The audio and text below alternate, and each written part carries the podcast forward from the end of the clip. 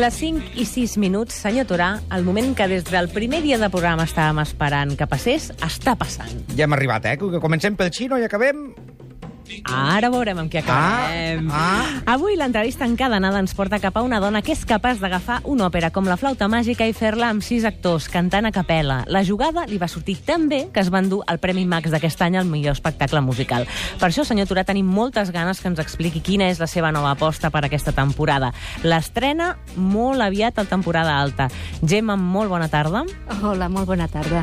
La Gemma Beltran Margarit, que és fundadora i directora de la companyia d'Eifurbi. Algú que ha estat nominat per venir aquí en aquesta cadena d'entrevistes que tant ens agrada. Acabes de tornar de França, no? Sí, sí, justament ahir la tarda, a última hora, estic fresqueta, fresqueta. com estan per allà a França? Estan bé? Estan plujosos. Plujosos. Plou, com aquí, una mica Per més. això estan tots per aquí. Això, ara ho has entès, i jo de cop també. Clar. doncs la Gemma Beltran Margarit és fundadora, com dèiem, i directora de la companyia d'Eifurbi. És l'entrevista que ens va proposar fer divendres passat l'arquitecte Zaida Muixí Martínez. Gemma Beltran, Uh -huh. que és una bona amiga, una directora de teatre, perquè una directora de teatre em sembla també una professió que, que si bé treballa amb la fantasia, amb algo que no existeix, té que posar en relació moltes, molts elements, no? Espa espacials, narratius, musicals, de temps, i, i ella té una capacitat molt, molt especial per, per treballar textos clàssicos, que em sembla una cosa molt difícil, i convertir-los en algo molt actiu, molt reflexiu i con una forta carta, carga de crítica, però que no és tan evident, no? Gemma, tu creus que l'arquitectura i el teatre tenen aquests punts en comú, com ens deia la Zaida? Sens dubte, sens dubte. No només aquests punts, sinó que crec que els comparteixen d'una forma radical. La relació amb l'espai, la percepció, les emocions que, que, que has de compartir en l'espai, com, bueno, i com, com et relaciones amb aquests espais simbòlics, siguin interiors o exteriors, siguis tu eh, que estàs en un, en un lloc o que tu ets el lloc d'un espai. Eh? És tot una...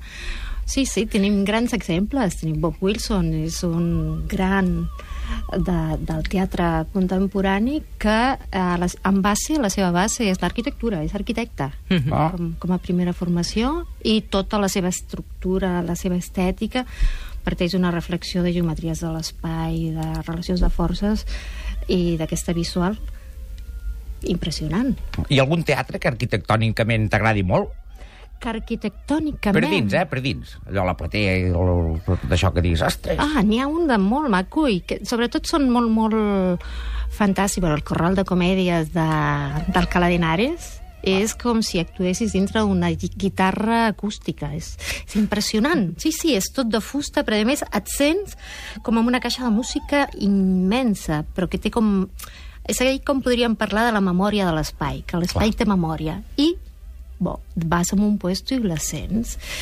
Hi ha un altre, que seria que el Círculo de Belles Artes té un teatre fantàstic, que són aquests tipus de teatre que t'agafen com si fessin una abraçada, que el públic, en comptes d'estar en files uf, geomètriques i jerarquitzades, estan com en una, en una mena de semicercle Sí. i que el mateix espai també s'ofereix com en un semicercle, encara que sigui amb, amb aquests avancers estupendos. Però tot fa com... Tot, tot entra, tot, tot agafa molt de sentit amb l'espai propi. Com que aquesta és una Aquest no entrevista... l'apunto, la, la comèdia sí. de l'arte d'Alcalá de Henares. Ah, sí, eh? el Corral de Comèdies. Ah, és el Corral primer, de Comèdies. És el primer Corral de Comèdies de tota la història, de 1601. Mm, Corral de comèdies. És, és impressionant. Doncs jo no hi he estat mai, tampoc. Per la això m'ho apunto i algun dia que passi per allà pues, que, que, I tant, aprofitaré per anar a veure, eh? s'ha Sí, sí, d'aprofitar tot. És on fan el Festival de Clàssics d'Alcalà Mhm. cada any i tens una... Bueno, evidentment aprofiten per, per convidar clàssics. Nosaltres vam estar amb la flauta, també amb homes de Shakespeare i la veritat és que tens una experiència quan estàs allà dintre. Com que aquesta és una entrevista encadenada divendres passat, l'arquitecta Zaida Muixí Martínez també ens va deixar una pregunta per tu. Ah, Com, Sí, com noia. A veure, a veure. es repensa aquesta, aquest teatre clàssic, aquestes eh, obres clàssiques, des d'una perspectiva crítica feminista, perquè està allí però és molt sutil. La pregunta és com... Com es representa aquestes obres clàssiques des d'una perspectiva crítica feminista? Tela, eh? La veritat és que no és molt difícil perquè imagina't que Mozart, amb la flauta màgica, nosaltres només vam tenir que remetre'ns al text original i en el text original normalment es tallaven uns fragments on la reina de la nit, que es considera com una histèrica malvada, en realitat, eh, en aquests textos que sempre han estat obviats, Sí. el que reivindica és la paritat.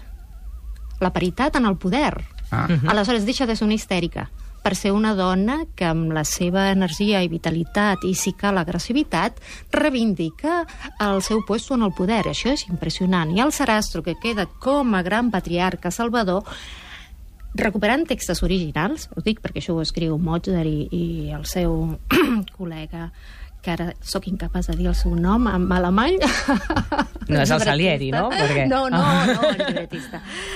Um, el Sarastro té uns discursos misògens que no t'ho pots mm, perdre. Però són els textos originals que durant més de 200 anys s'han obviat perquè segons quina, quina capa de cultura, quin moment vivim, eh, bé, es prioritza una interpretació o una altra. Força de negar-ne una, sembla que aquella era la, la, la, la que es coneix, la que és l'original. Aleshores, en aquest sentit, quan recuperes el material, el material en aquest cas ja és, no ja feminista, és d'una modernitat apavullant, Mhm. aleshores quan ho poses tot pren sentit. I aquí és una de les grans descobertes d'aquest material quan ens vam atrevir a, a tocar-lo. No, no, el material, el, el, el que és clàssic universal, et dona unes sorpreses. dona. Ja t'ho dona, perquè no és per res que, que són, són materials que encara estan potents. Aquest any heu guanyat un Premi Max, ho dèiem al principi, el millor espectacle de teatre musical per la teva adaptació de la flauta màgica, amb sis actors cantant a capella d'aquesta manera.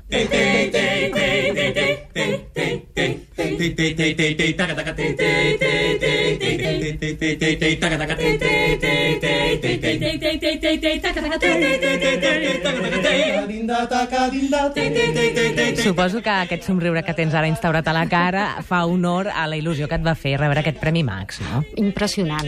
Mhm. Oh, em va sentar de meravella. És impressionant, eh? No, no... de- A veure, la veritat és que pensàvem que jugàvem una altra lliga. Mhm. I de cop eh, estar nominats ens semblava... Hola, hola, hola. I el premi ja, aleshores, és un lifting emocional. diguem. El millor premi, però, anar-ho a celebrar en Margarit, no? Ah, coneixes, coneixes l'estratègia. Em diuen que sou habituals, habituals, encara que ja no hi sigui el vincle inicial que us hi va portar Can Margarit, no? Bueno, el vincle inicial és família. o Per sigui això. Que és, eh, però sí que hi és, sí que hi és, Ah, sí que hi és. Com l'arquitectura, no? Que, ja, que, que És, t'impregne. és. No només és memòria a l'espai. Ah, Senyor, sí, senyor. Una presència meravellosa. Escolta, i per què vas voler fer la flauta màgica? Doncs mira, estava un moment que vam acabar de fer un cabaret sobre l'infern i les preguntes són què, què fer ara, Mhm. no? Però sempre buscant el, com, com propiciar trobar llenguatge. I després el moment, el moment era d'una foscor, els cibes per tot arreu, era... i de cop teníem pensat fer una obra sobre la corrupció. I vam dir, no, més, no, és impossible. Algo que dongui llum. Ai, Necessitem ja. llum, llum. I no em podia imaginar una altra peça que tingués més llum que la flauta màgica. Aleshores vam dir, vinga, atrevim-se a fer la part instrumental en polifonies. Trobem qui, el Paco Viciana, en aquest cas es va atrevir a fer-ho, aleshores al trobar-lo perla i aleshores amb la direcció del David Costa i tot l'elenco d'actors ens vam posar a treballar. I mira, I veus? Déu-n'hi-do, Eh? Déu-n'hi-do, xiqueta, Déu-n'hi-do. Però en realitat la, la, era una necessitat A de més- tocar un material amb llum i a més proporcionar al públic una estratègia que és molt... I transversal, perquè jo sóc eh, conscient que he anat des del director del Liceu fins a nens de 5 anys, no? Per tant, més transversal no pot ser, no? Però és sorprenent, cadascú es queda amb la seva lectura. Mhm. Està feta a capes, i aleshores és molt gratificant. A part de que, de que té, és que és aquesta modernitat. Ara sentíem aquest fragment i dius, és Mozart. Això és la, la introducció de la peça, però la introducció radical, eh?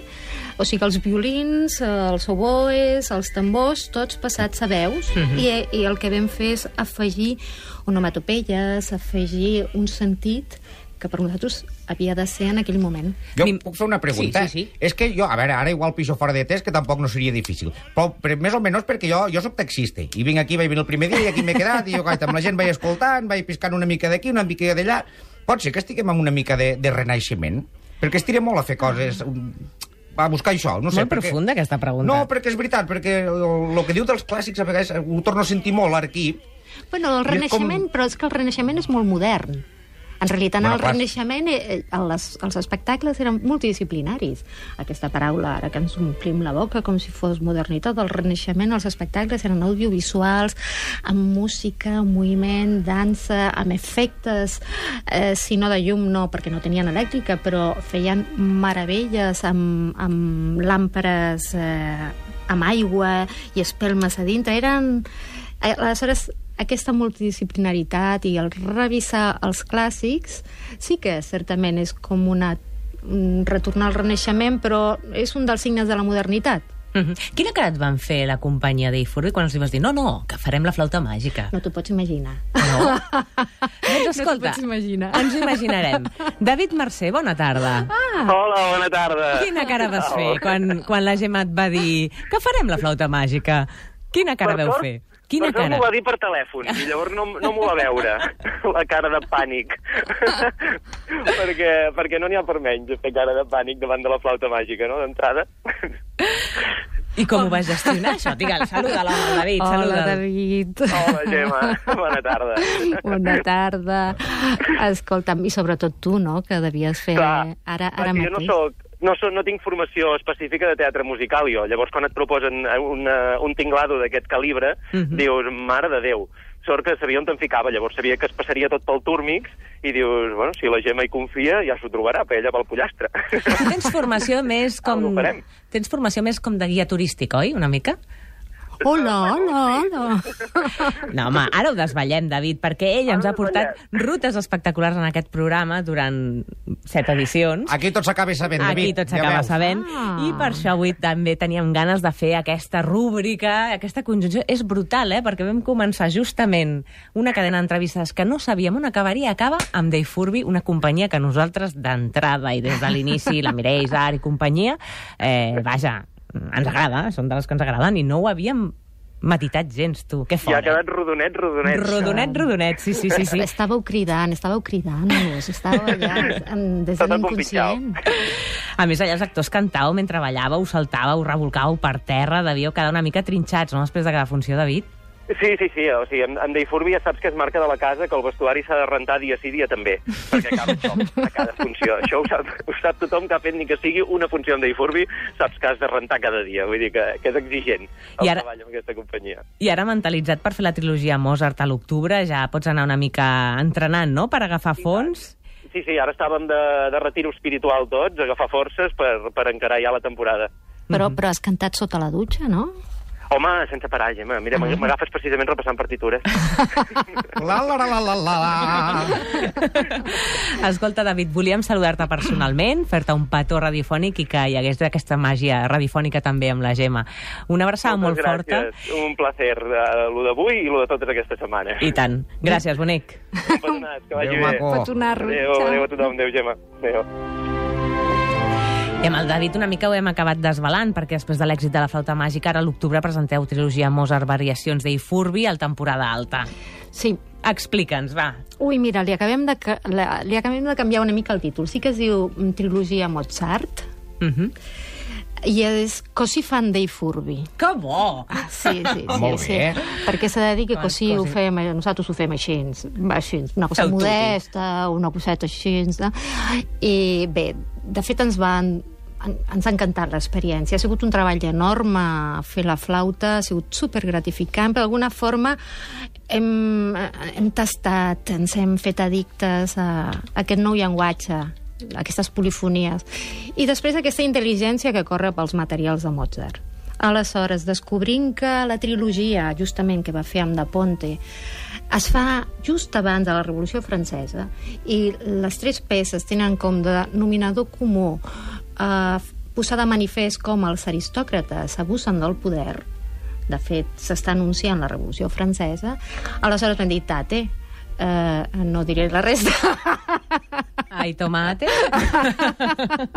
no m'he atrevit. Uh, aleshores, la... eh, estava com servit. La qüestió era a veure com es podria filar una dramatúrgia que agafés les tres peces.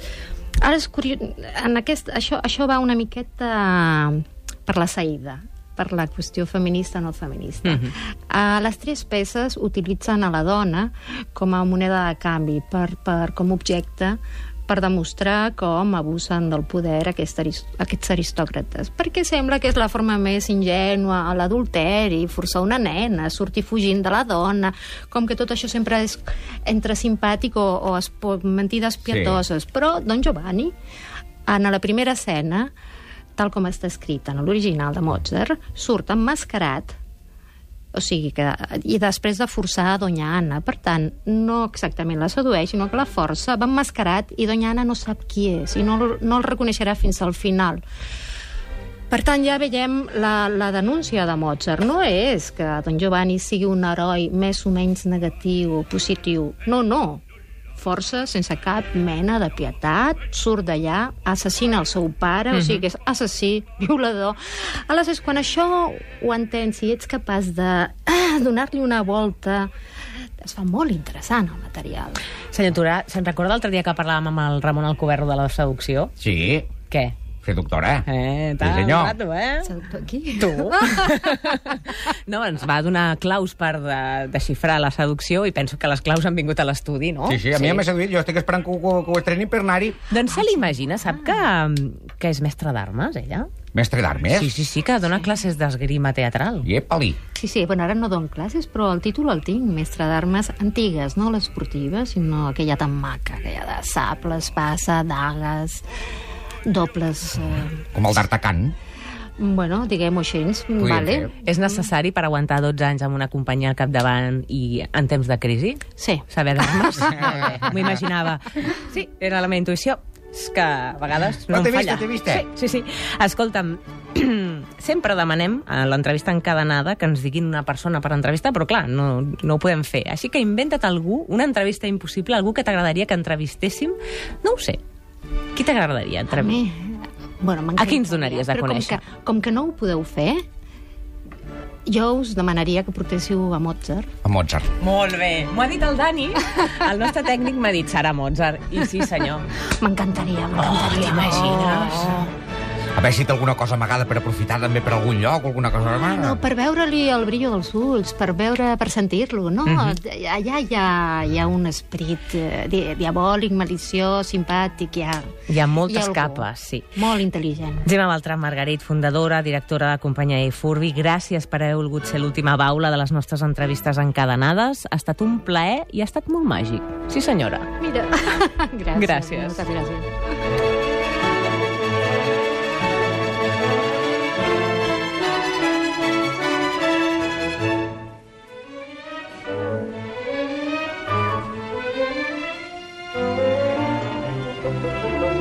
Dies a la setmana, amb Mireia Mallol Tomà.